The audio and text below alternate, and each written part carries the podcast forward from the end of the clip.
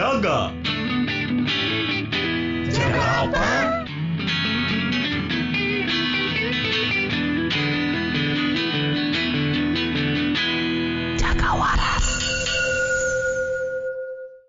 Yo yo, selamat datang di Jaga Terang. Ada saya Jeffrey, lalu ada Rizal. Yo Zal. Halo, halo, halo. Terus ada Hilman. Yo Man. Oh, Jeff. Silman ke Oke. jajan. Oh kerja jajan. Jajan naon Hilman? jajan yang bisa dibeli. Iya, mu- gar garpit tilu batang jeung ieu eh, teh gelas hiji. Eh, Mana yang mau ngerti pisan orang euy. Ya, awal episode kali ini kita bermula dari ada banyak pemandangan-pemandangan, seenggaknya misalnya di kota Bandung gitu ya. Di beberapa jalan tuh udah banyak banyak spanduk-spanduk atau banner-banner yang menampilkan beberapa tokoh yang kayaknya memang diproyeksikan untuk di pemilu 2024 yang sebetulnya itu teh masih lama gitu. Itu yang kita masih belum ngerti kenapa sih harus apa ngambil startnya tuh dari sekarang dan ada ide kita ngobrolin kalau kamu jadi seorang aktivis politik gitu kira-kira partai politik apa sih yang kira-kira kamu suka terus pengen kamu bantu perjuangkan gitu Oke, siapa yang mau duluan nih? Atau Rizal? Tak kira di under condition teh maksudnya anggap di negeri tempat kita tinggal ini sistem berjalan dengan baik, kaderisasi Hmm. berjalan dengan baik, terus feedback ke masyarakat berjalan dengan baik, atau kondisi realnya. Jika lebih menarik lamun kondisi realnya, so. Oke. Iya. Boleh Tapi- mau siapa? Hilman, Rizal? terbatas di partai yang ada sekarang atau di partai yang pernah ada di negeri kita ini? Boleh, boleh per- partai yang pernah ada atau bahkan partai yang belum pernah ada, Zal. Wah, Ji, Tenang lah, imajinernya. Oke, oke, oke, oke. Berarti orang memahami nah kayaknya ini opini pribadi orang bahwa partai politik itu adalah entitas politik yang eh, mewakili sebuah ideologi atau pemikiran atau suara rakyat eh, ya dengan ideologi tertentu gitu merenya. Oke, oke, oke, oke, oke. Sok atuh siapa dulu? Boleh, Man? Gimana, Man? Oh, Ilman. Andai kata, Man, Oke. Anda menjadi bukan menjadi kubanya dongeng nama misalkan. Wah, tahun depan akan ada eh, pemilihan anggota dewan. Sepertinya aku tertarik untuk bergabung. Milih-milih partai ah. Nah, coba. Ah, orang ya. Orang sebagai orang atau orang sebagai kader parpol? Mane sebagai Hilman yang dipaksa untuk memilih salah satu partai politik. Begitunya. Oke. Orang sepertinya bakal memilih parpol yang menang.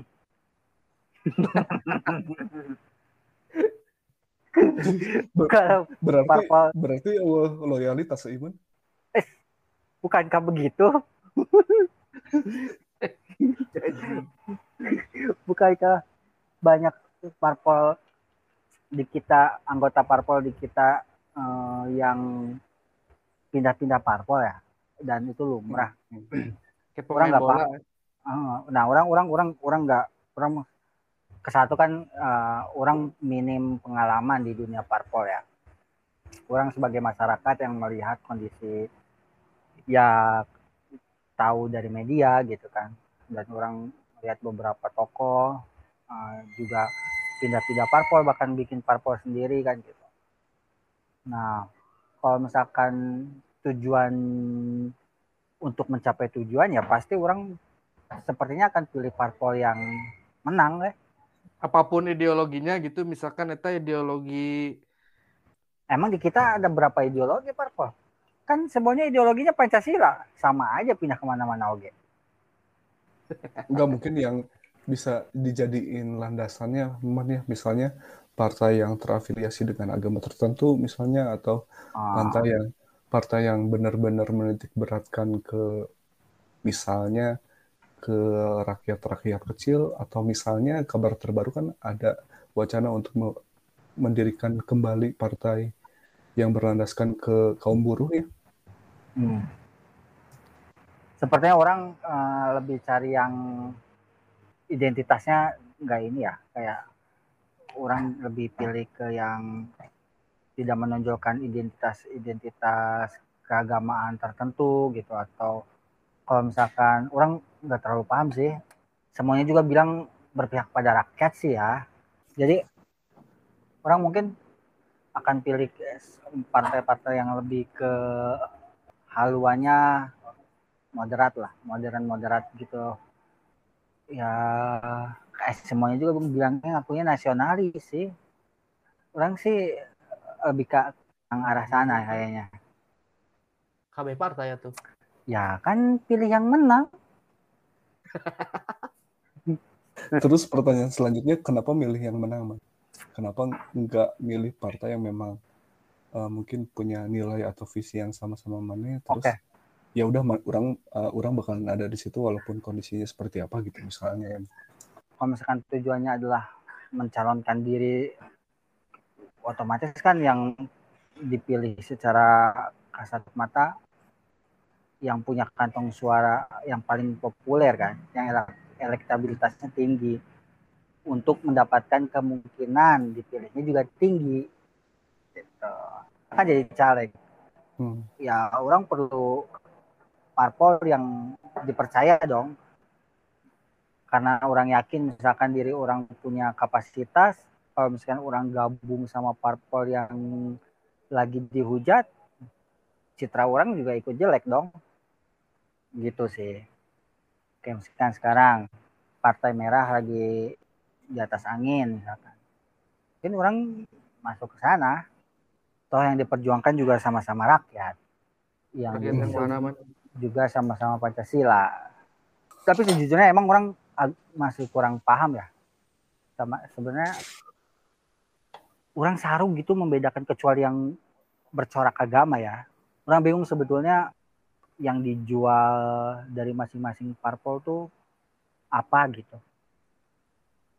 Semuanya sama-sama ngaku berpihak ke rakyat kecil sama-sama bilangnya anti korupsi gitu jadi orang nggak bisa membedakan kayak misalkan di beberapa negara kayak misalkan apa yang betul-betul corak ideologinya kental kan jelas nih yang satu bawa pemahaman komunis yang satu sosialis yang satu demokrat, yang satu republik.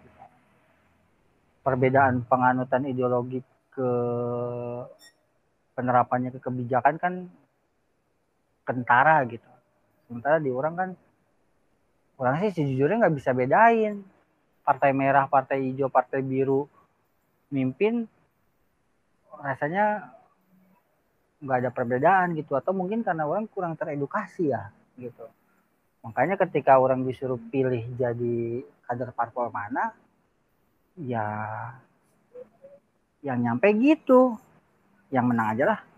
Kalau misalkan tujuannya orang mau jadi caleg, ya gitu. Kalaupun misalkan orang uh, condong sama parpol dengan corak agama tertentu misalkan. Ya cari yang kantong suaranya bagus saat ini orang segitu hmm. berarti lebih lebih condong yang pasti menang wilahnya dasar warek mana-mana lagi gitu meren mau A mau, mau B mau merah hijau pink jingga kelabu.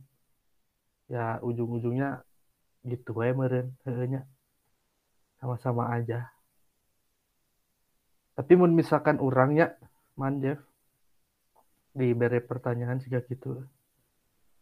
Justru orang masih bingung kayaknya sih sebenarnya pun misalkan orang rek gabung ke partai teh gitunya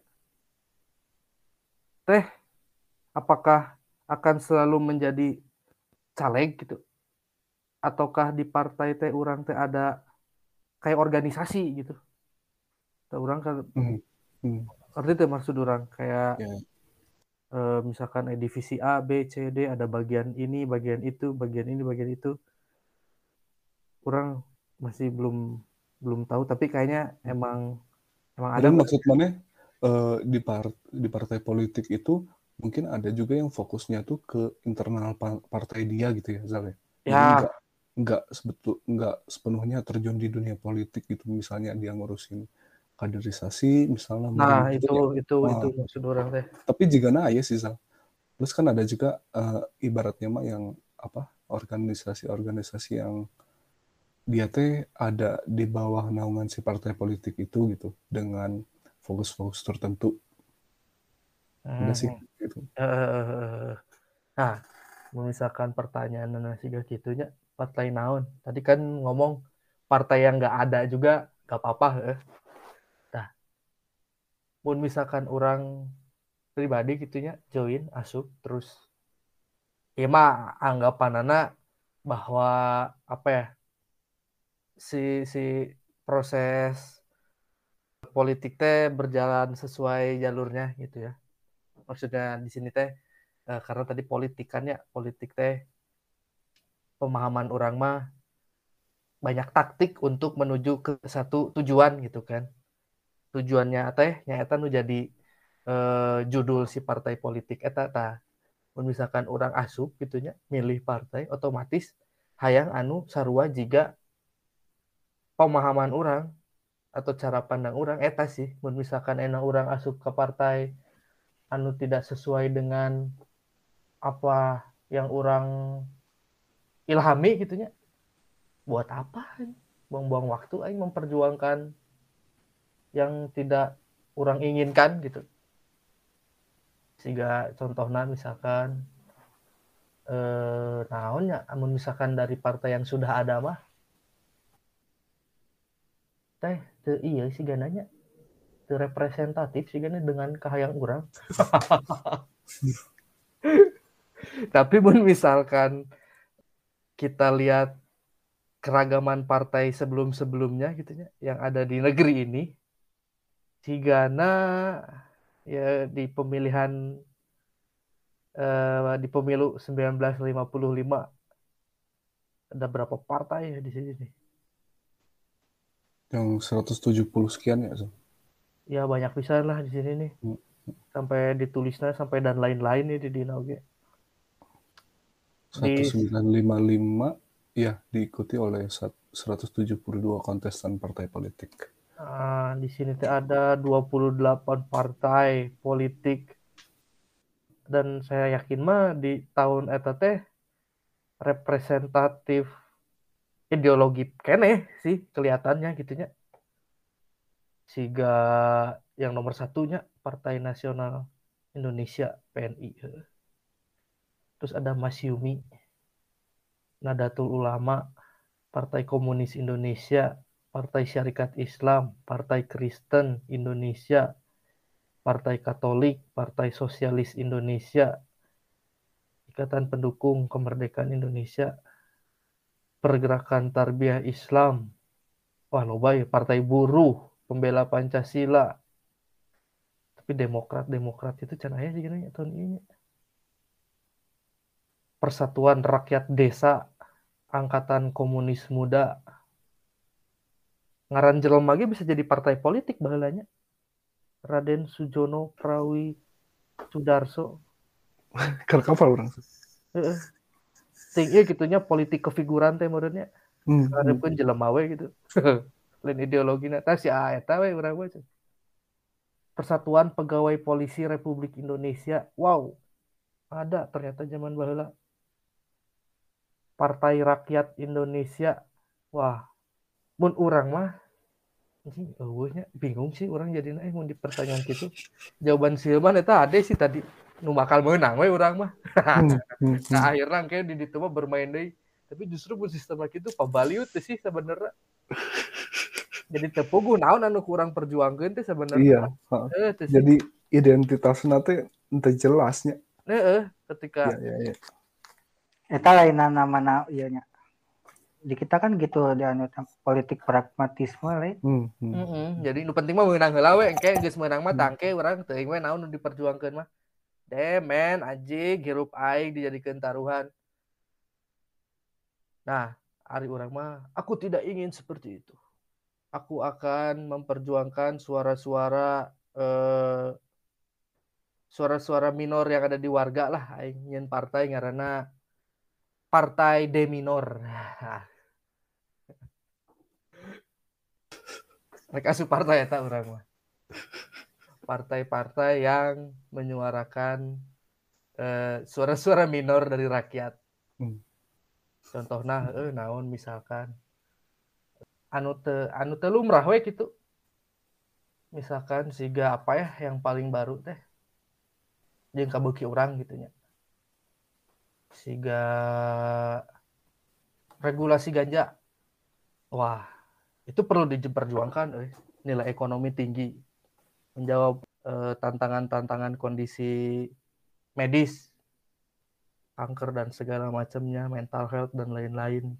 Terus nilai untuk industri, itu kan. Di satu sisi orang, pun misalkan menyuarakan itu, justru tidak akan dipilih ya, dengan kondisi negeri yang saat ini seperti ini mah gitu. Tapi kalau misalkan aing ada partai yang bisa menyuarakan itu, wah orang join sih. Just ayo. Itu salah satu contohnya ya regulasi ganja. Tapi kan ada hal-hal seperti itu yang lain-lainnya. Jadi hal-hal anu tidak lumrah atau dianggap tabu gitu keluarga zaman sekarang teh zaman bahula zaman karena hmm. naon justru orang akrab dengan hal seperti itu dan merenaunnya segana seru ya gitu.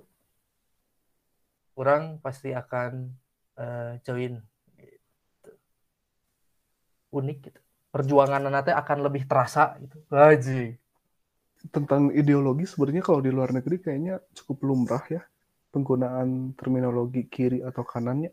Hah, nah, uh, orang penasaran juga kenapa di Indonesia teh seakan kita nggak punya lapangan yang sama gitu. Nah ini, ini tuh ada artikel di Tirto ya, judulnya tuh corak ideologi partai-partai di Indonesia mungkin bisa dicek aja. Cuman di situ ada beberapa poin yang menurut orang bisa menjelaskan beberapa hal. Misalnya kayak ini, istilah kiri kanan jarang digunakan dalam wacana politik sehari-hari di Indonesia. Sebagian karena ide-ide politik kiri yang sifatnya eksplisit dihancurkan oleh rezim Soeharto setelah Partai Komunis Indonesia dibantai habis pada 6566. Menurut orang, jika nama memang di zamannya Soeharto itu memang ideologi partai itu sangat dibatasi ya. Jadi nggak bisa sebebas yang mungkin menurut orang uh, politik ideal gitu. Jadi kondisi yang ideal tuh kayaknya memang dibatasi di zamannya Soeharto. Nah, terus uh, kayaknya ini uh, penelitian ya. Tirto tuh mungkin bikin penelitian. Dia tuh coba nanya ke politisi-politisi. Kalau ditanya ini, kalian itu masuknya kiri atau kanan? Nah, menariknya jawaban mereka itu kebanyakan tengah ke kanan. Menuju ke kanan. Jadi yang paling paling kiri dibandingin yang lain itu tuh Demokrat 5,18 disusul Hanura PDI 5,24 sama 5,47. Nah trennya tuh ke kanan semua. Sampai paling kanan itu PKS 7,21. Hmm. Mungkin nggak bisa dilepaskan sama sejarah di zamannya Soeharto ya. Hmm, pasti sih ya tamatnya. Hmm. Dan akhirnya terlepas dari kiri kanan itu tadi, Jeff ya, hmm. justru melihatnya teh si partai politik teh malah di Indonesia mah hmm. apa ya bukan menghadirkan sebuah pan namanya menawarkan ideologi gitu. Hei kaum buruh pilih partai hmm. buruh. Uh, hak-hakmu tentang buruh akan kami perjuangkan. Nah dari situ gitu. Hmm. tapi lebih ke halo halo warga kalau pilih aku ya. Kalau soalnya aku kan anaknya uh, anaknya si ini. Soalnya aku kan uh, punya organisasi ini. Pilih aku ya lebih gitu gitu. Nu orang tinggal itu hmm, hmm, jadi hmm. maksudnya apa ya? Ketika si sosok di dalam partai itu hilang gitu ya apakah itu meninggal? Meninggal lah misalkan nunggu pasti mau aya di mana. Teh enggak we. Lost gitu. Hmm. misalkan apa ya? Kayak PKB gitu ya yang yang begitu erat dengan Gus Dur. Ketika Gus Dur meninggal dunia teh hmm. Kumaha tuh Muhammad Iskandar gitu. Gimana sosoknya ada asa asa teuing gitu mungkin di kalangan elit banyak manehanana sering melakukan sesuatu atau apa. Tapi ke orang pribadi sebagai warga dia ada teuing naon atuh saya gitu kan. Jadi gitu hmm. sih jadi apa ya? Ketika ditanya kiri kanan tadi teh justru malah jadi tidak relevan dan akhirnya jadi pilih jalur aman si partai itu meren ketika mana ya, ngejawab kiri meren ya. wah langsung teringat cerita masa lalu teh gini kan. Anjing si eta mah ini jangan dipilih. Gitu kan. Ya. dan di artikel yang sama ya jadi Arurang kan heterogennya di hmm. Indonesia teh. Tapi partai-partai yang ada tuh cenderung homogen. Dan ya orang kayaknya setuju sih sama ini jadi kurang kurang variatif gitu ya. Dan, ter dan, ada, teh. dan terlalu malu-malu eh untuk menyuarakan ideologi teh. Ah, ya ya. Berarti ya, kita masih masih hidup di peninggalan-peninggalan zaman Soeharto nya. Masih banyak peninggalan yang masih bereksis ya. gitu, masih ada. Dan ya eh, karena naonnya secara ketika orang akan berpartisipasi secara politik sebagai warganya, mm -hmm ada banyak pilihan gitunya hmm. ketika asupnya sebelum bilik suara menurutnya pas terakhir lah itu yang pemilihan apa kemarin teh? Presiden gitu hmm. ya, ketika riset gitu. Ini masa dia gitu ya nggak ada yang menarik itu sih orang muka menu di restoran gitu ya tapi ayam goreng kabeh jerona teh. Ayam geprek kabeh jerona uh, ya em penyet kabeh ayam we kan beda-beda ayam nah gitu. Iya, iya, iya. Jadi aduh kurang menarik gini gitu ya.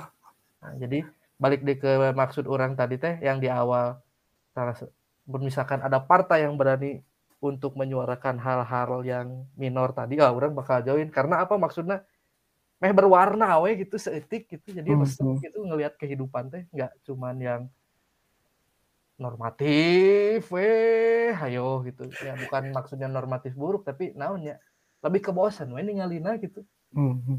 tapi ketika ada hal-hal yang di luar itu yang diperjuangkan kan anjing seru eh gitu dan nanti hasilnya seperti apa teh sih Gana menarik weh gitu mm-hmm. waktu beberapa tahun yang lalu Zal ketika ada partai baru yang menamakan dirinya Partai Solidaritas Indonesia mm-hmm. sempat berharap tuh Zal lamun orang pribadi sempat berharap Orang sempat tapi ya, oke. Okay. Uh, tapi ya ujungnya ke sini ke sini ya nah. harus memikirkan lagi ya ekspektasi akan uh, uh. yang bisa mereka tawarin gitu. Dan nah, orang lebih dihadapkan kepada realita sih saat adanya orang pas waktu si partai itu muncul teh. Uh, ya kebetulan waktu itu orang pas lagi kerja di Mentawai se tempat tinggal bareng sama atasan orang dan si atasan orang teh emang si eta aktivis di zaman bahula gitu ya maksudnya di zaman di tahun 2000-an lah si eta pasca reformasi hmm. dan si eta sering apa sering mengkritisi lah kasih hmm. ya pemerintah lah atau uh, partai politik dan segala macam itu dan ketika si et, ya muncul si partai nu tadi eta teh orang pribadi gitunya wah sugar nih mewakili nih ini ini ini. Orang itulah ada ada di kubu yang wah bakal bakal ada penyegaran nih gitu. Karena orang berpikirnya bakal ide-ide nusiga tadi orang pikir gitunya ide-ide minor tadi teh bakal diperjuangkan gitu si partai si partai itu. Tapi dengan entengnya si eh, si atasan orang tuh ngomong alah apaan yang kayak gini mah lihat aja ke depan gak akan ada sihung-sihung ya. Cina mereka mah buang-buang duit aja bikin kayak gitu. Dan yang ditawarkan juga pasti tidak akan istilahnya nyanu tadi eta bukan menawarkan ideologi gitu. Hmm.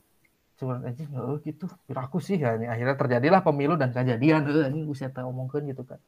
Wah ini mau bagi mic anjing partai nanti yang orang lihat sih eta. Tapi sebetulnya orang sebelumnya ah sih iya ada apa tapi tetap ya, kalau orang sebenarnya dari awal udah skeptis sih soal itu. Sama partai itu nah, teman uh, bukan skeptis karena tujuan ya. Karena orang ngerasa berpolitiknya tidak cukup dengan semangat ya, tapi perlu juga kematangan.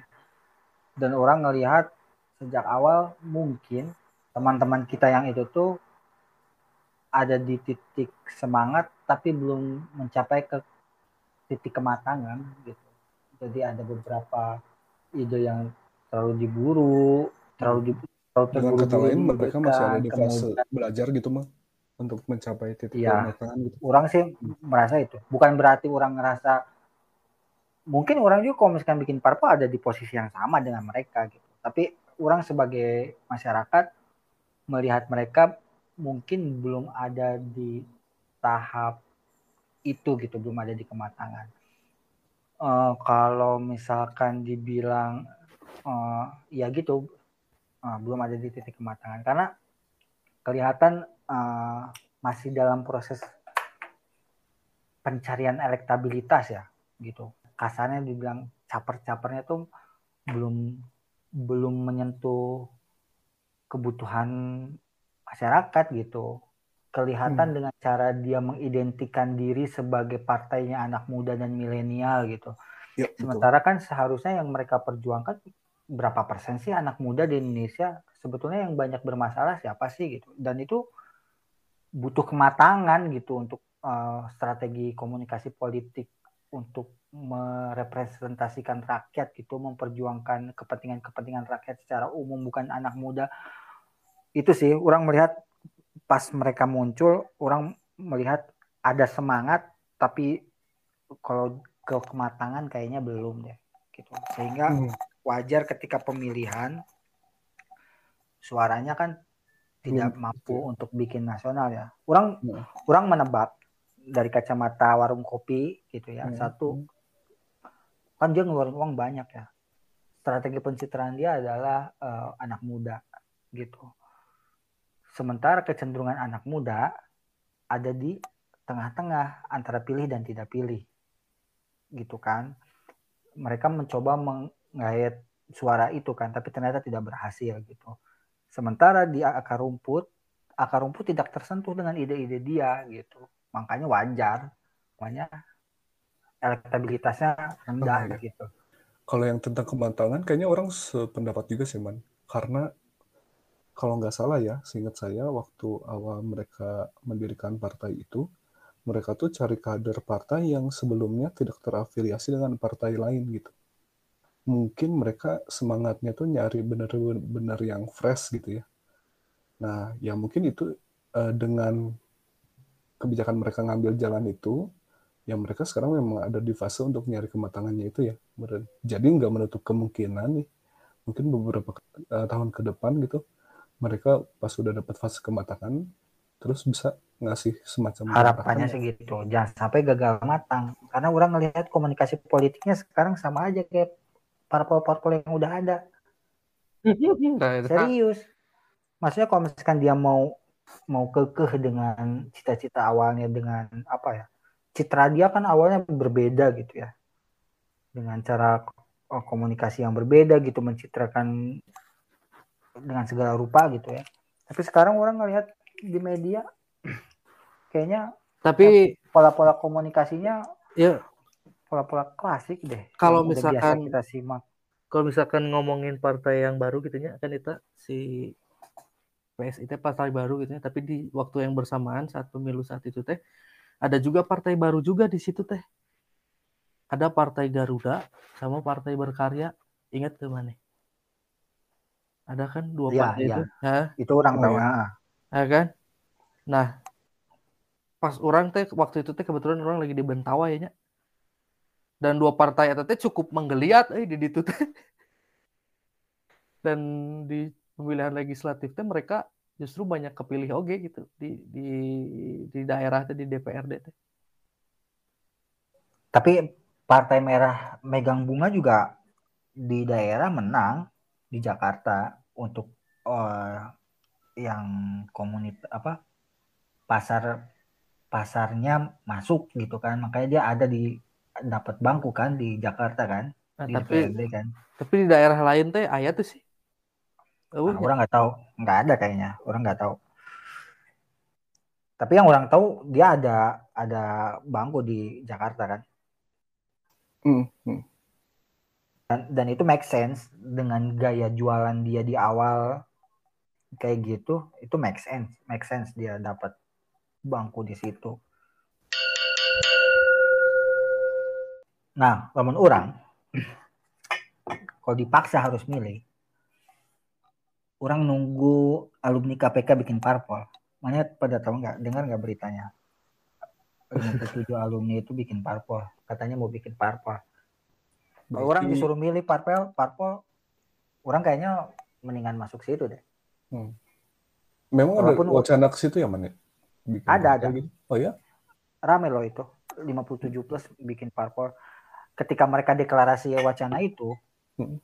banyak parpol lama yang bilang, gak usah bikin parpol, gabung aja. Kita kan sama-sama punya visi yang sama, anti korupsi. Namun orang sebagai rakyat jangan didengar, bikin aja baru biar kita punya alternatif pilihan. Yeah. Kalau mereka melebur, orang berharap ke siapa lagi? Oh, maksudnya kita bisa milih ke mana lagi alternatif gitu kan? Hmm. Semoga aja jadi aman ya, karena orang tertarik juga sih sama semangatnya berarti. Ya mereka nggak akan jauh dengan usaha memberantas korupsi ya berarti.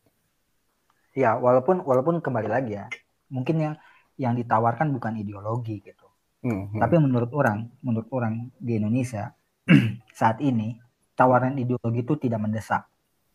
Menurut orang ya. Kenapa? Karena kita sudah cukup hidup dengan tanda kutip jualan Pancasila ya. Kalau kita nawarin ideologi baru nanti dibilang radikal, mana ya dibilang anti Pancasila. Gak ada yang siap tuh begitu. Gak ada yang siap. Jadi sebetulnya cukup jualan isu juga hmm. isu dan isu korupsi ini adalah isu yang sangat seksi apalagi yang mendirikannya udah jelas-jelas anti korupsi hmm. gitu apalagi didepak dengan cara yang sangat fenomenal gitu ya, ya. karena korupsi menurut orang ini punya potensi banget sih gitu uh, apalagi uh, banyak kalangan aktivis yang juga ada di belakang itu gitu artinya bukan orang eh, sok-sokan ini ya, tapi orang ngerasa gini, dengan jaringan mereka yang dekat dengan uh, aktivis, orang berasumsi mudah-mudahan mereka tidak anti kritik. Kalau misalkan pun mereka melenceng, mereka mau mendengar hmm, masukan gitu dari lingkungan, dari circle mereka gitu yang kita tahu lah ketika mereka keluar kan banyak yang bikin tagar, bikin mosi dan sebagainya gitu. Dan di mata orang sih orang-orang yang di belakang itu orang-orang yang punya kapasitas kredibel lah gitu. Bukan kutu loncat gitu memang memang yang selama ini kita tahu ada di masyarakat gitu. Kalau orang sih berpikir itu layak ditunggu sih dari segi kematangan orang rasa lebih matang gitu. Hmm.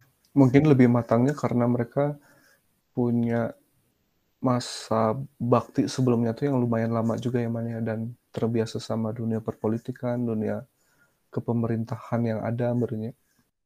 Ya, karena mereka paham, karena mereka berproses dengan negara gitu.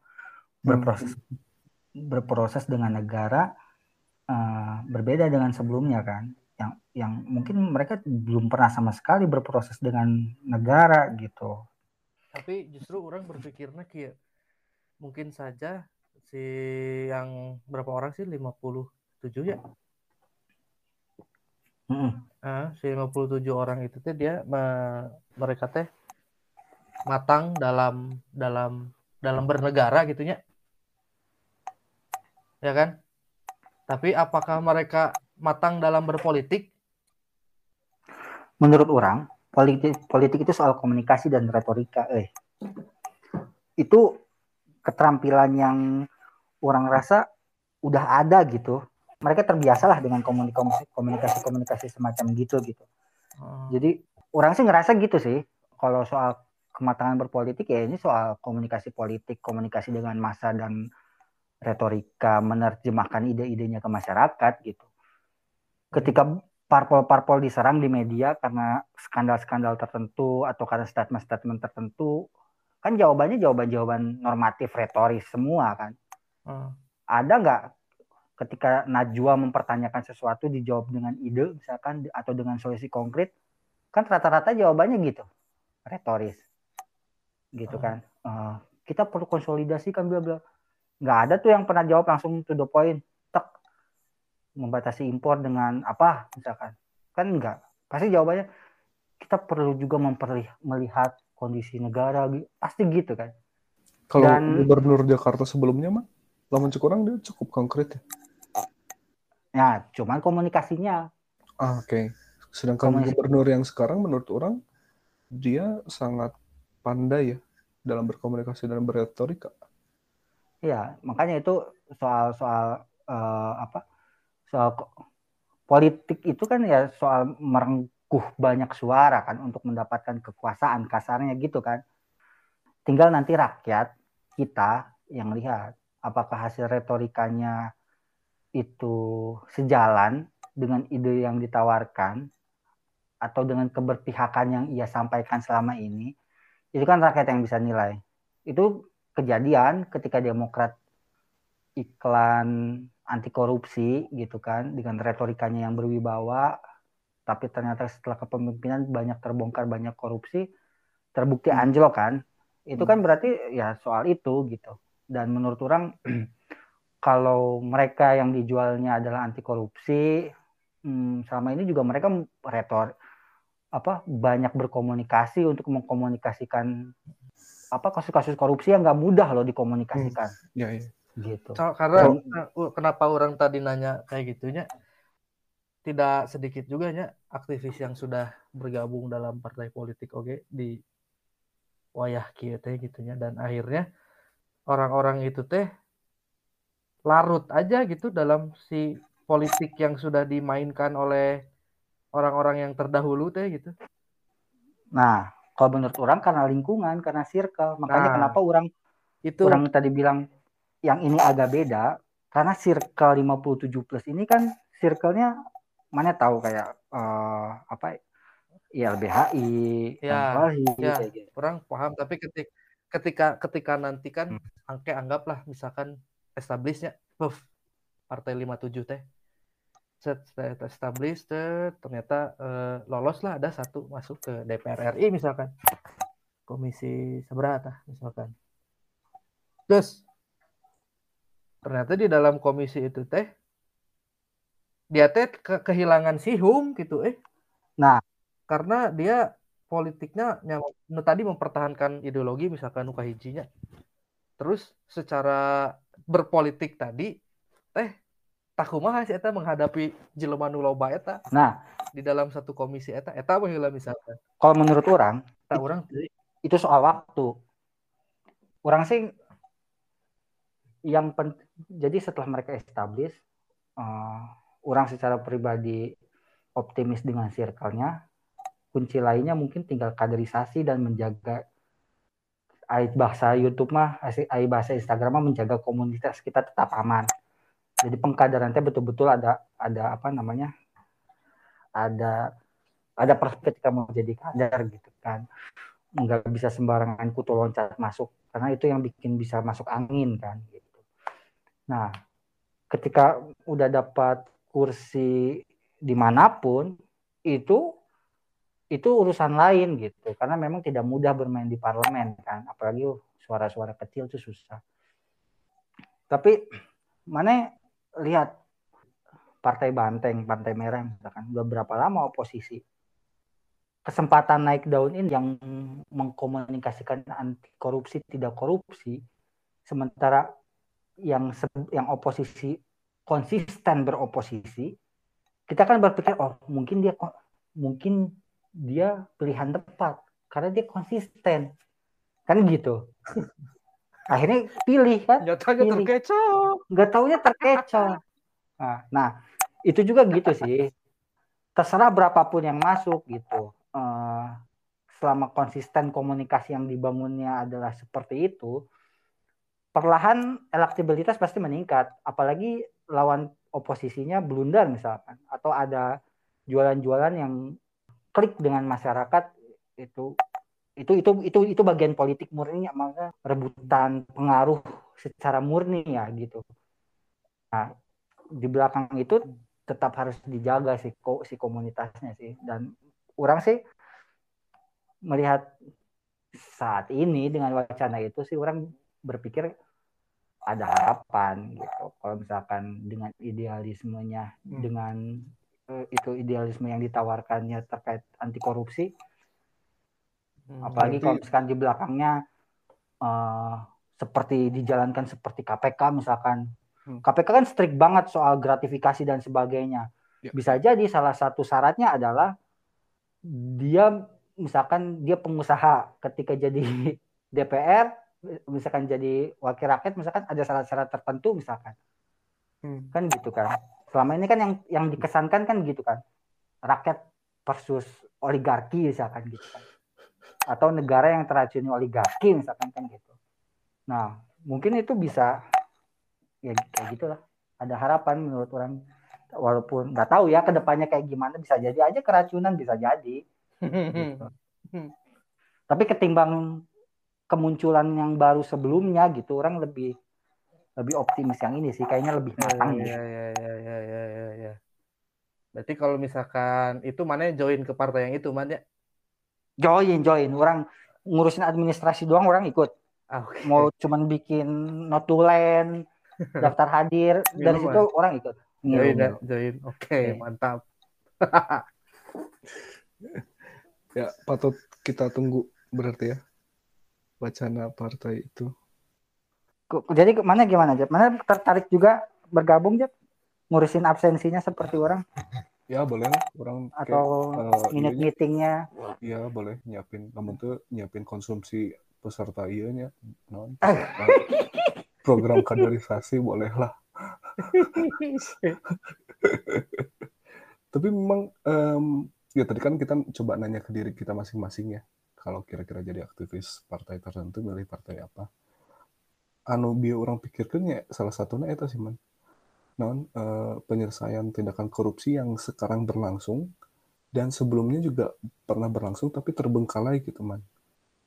Nah terus orang benar-benar kereknya hoge kayak wacana non kelompok 57 berarti mungkin partai meren AK 57 nya anggota, anggota KPK 57 plus merennya AK 57 plus.